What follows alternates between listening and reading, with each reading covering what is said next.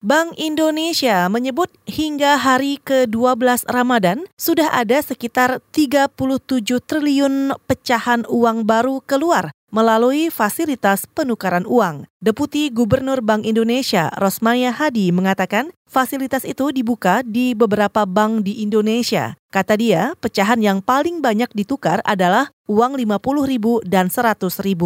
Artinya sudah bergerak uh, untuk diambil. Nah, nanti biasanya adalah minggu keempat uh, minggu keempat yang langsung ramai sekali untuk tukaran-tukaran ini Bapak Ibu sekalian. Deputi Gubernur Bank Indonesia Rosmaya Hadi juga mengimbau masyarakat menukarkan uang baru di tempat pelayanan resmi yang disediakan Bank Indonesia. Hal itu untuk menghindari adanya penukaran uang palsu. Tahun ini, Bank Indonesia menyediakan 217 triliun rupiah pecahan uang baru.